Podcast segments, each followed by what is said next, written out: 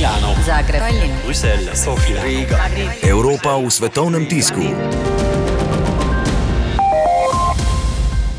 Britanski poslanci so včeraj glasovali za preložitev Brexita in Theresa May pripravlja novo glasovanje o sporazumu z Evropsko unijo konec junija.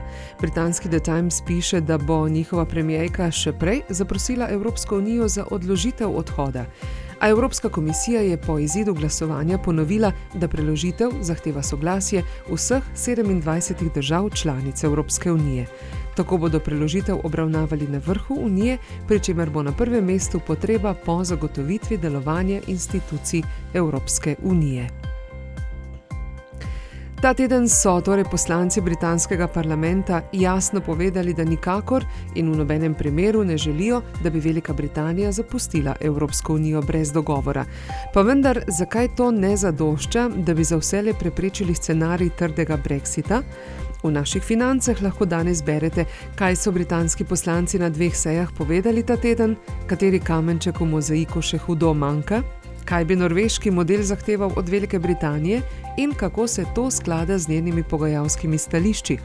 Kaj pomeni, da je trdi brexit privzeti scenarij in ali bo britanski parlament še tretjič glasoval o istem sporazumu?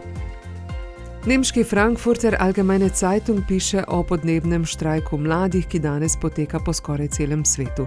Zgodba o začetku gibanja je znana, vse se je začelo pred švedskim parlamentom lani avgusta, ko se je tja s transparentom postavila Greta Thunberg in od takrat petki več niso bili običajni šolski dnevi. Petki za prihodnost so iz lokalnega protesta prerasli v svetovno gibanje. Dijaki in študenti gredo v boj proti klimatskim spremembam in želijo, da se jim odrasli pri tem pridružijo. Tudi francoski Le Monde piše o deklici, ki je tudi danes, tako kot že veliko petkov, ob 8. zjutraj prišla pred švedski parlament. V rožnatih hlačah, rumenem dežnem plašču, svetlimi lasmi, spletenimi v kite, kot na plakatu, na katerem piše Make the world Greta again. Mladim po svetu je Greta Thunberg vzornica. Nekateri švedski časopisi sprejemajo za njo glasove za žensko leta. Tudi predlog za nominacijo za Nobelovo nagrado za mir je že podan. 16-letnica, ki je začela mednarodno šolsko stavkovno gibanje, bi lahko postala ikona svoje generacije, še piše današnji Le Monde. Milano, Zagreb, Bruselj, Sofija, Riga. Evropa v svetovnem tisku.